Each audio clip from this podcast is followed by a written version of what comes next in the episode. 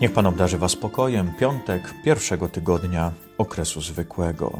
Kolejne ciekawe słowo z pierwszej księgi Samuela. Izraelici chcą być jak wszyscy. Chcą być jak sąsiedzi, chcą być jak inne narody, to znaczy mieć króla. Nie wystarczy im to, że jest Pan Bóg, że są przykazania, i że są kapłani czy prorocy.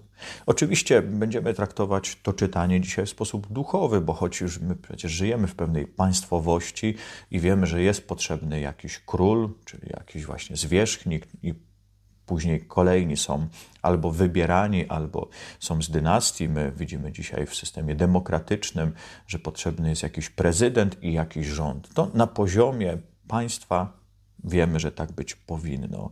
Ale popatrzmy duchowo. Czy Pan Bóg nam nie wystarczy, czy Jego przykazania nie wystarczą, czy kapłani, czy prorocy nie wystarczą?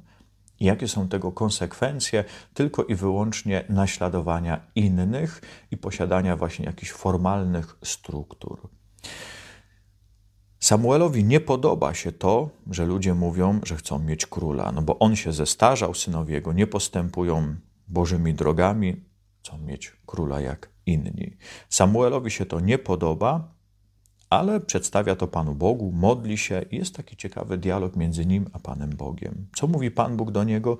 Wysłuchaj głosu ludu we wszystkim, co mówi do ciebie, bo nie ciebie odrzucają, lecz mnie. Niesamowite zdanie. Nie ciebie odrzucają, lecz mnie. I popatrzmy trochę na nasz grunt. Cierpimy z powodu tego, że nasi bliscy, nasi krewni, nasi przyjaciele, wiele osób z naszych wspólnot parafialnych odchodzi od Kościoła czy odchodzi od Pana Boga. Widzimy zmniejszające się liczby i teraz jest w nas jakiś smutek, a czasami nawet zdenerwowanie czy załamanie. Ale dzisiaj Pan Bóg pyta, a dlaczego się smucisz? Dlaczego cię to boli, że oni odchodzą? Dlaczego cię to boli, że, że oni już nie wierzą? Czy myślisz tylko o sobie, nie takich wychowałem, nie tak chciałem, żeby postępowali w życiu, nie takie wartości im dałem? O co w tym wszystkim chodzi? Dzisiaj Pan Bóg mówi: przecież nie ciebie odrzucają, ale mnie. Jest niesamowita rzecz w tym, ta świadomość Boga, co dzieje się z Jego dziećmi, ta świadomość Boga, że oni Jego opuszczają. Ale najważniejsze jest to, że to Pan Bóg jest w stanie wytrzymać, bo On dał tą wolną wolę nam, żebyśmy decydowali, żebyśmy wybierali albo odrzucali, i On to wytrzyma. Nam będzie z tym ciężko, będziemy załamani. W tym załamaniu, w smutku będziemy może czasami mówić gorzkie słowa albo podejmować złe decyzje. Ile kłótni jest na ten temat w naszych domach, że dzieci się buntują, przestają chodzić do kościoła, czy może współmałżonek. My, chcąc dobrze, bardzo często robimy tak zwaną krecią robotę. Jeszcze gorzej dzieje się. A Bóg dzisiaj mówi: To przecież mnie odrzucają, a nie ciebie. A ja to wszystko wytrzymam. To jest jedna ważna rzecz, bo my nie zawsze wytrzymamy. Ja to wszystko uniosę i więcej. Pan Bóg, jako ten, który prowadzi tą historię, będzie nad tym człowiekiem czuwał, bo przecież też go kocha i też chce dla niego zbawienia.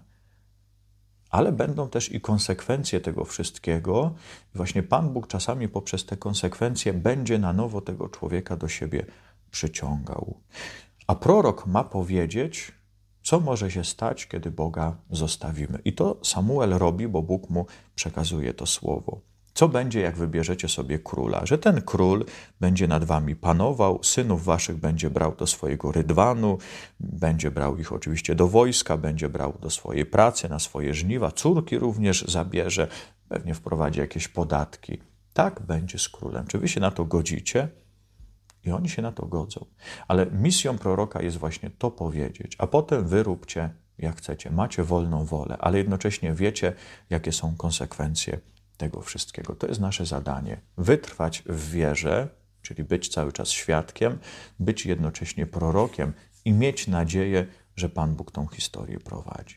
A jak te historie odejść od Boga mogą się skończyć, widzimy w, pierwszym, w Ewangelii. Mamy paralityka, i teraz, choć nam się wydaje, że to jest tylko i wyłącznie choroba fizyczna, to dlaczego Pan Jezus mówi do niego: Dziecko, odpuszczone są ci Twoje grzechy?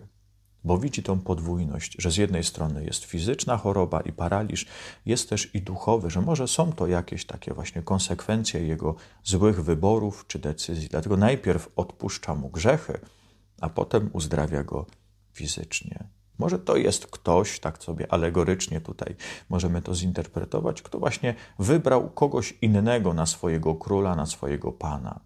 Może w pewnym momencie zrezygnował z Boga i mówi: Ja spróbuję po swojemu. I bo trochę tak jest, może nie wprost, nie chodzi o jakieś wielkie deklaracje, ale często odrzucając Pana Boga, automatycznie wybieramy kogoś innego za autorytet, kogoś innego słuchamy, ktoś inny jest dla nas ważny, jakieś inne poglądy wkradają się w nasze życie, a konsekwencje mogą być bardzo różne albo wręcz nawet opłakane. I co teraz się dzieje? Pan Bóg działa w tej historii.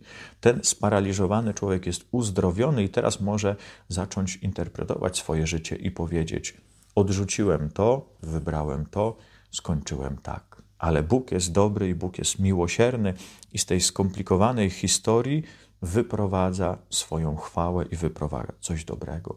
Ten człowiek będzie teraz opowiadał: Bóg mnie uzdrowił.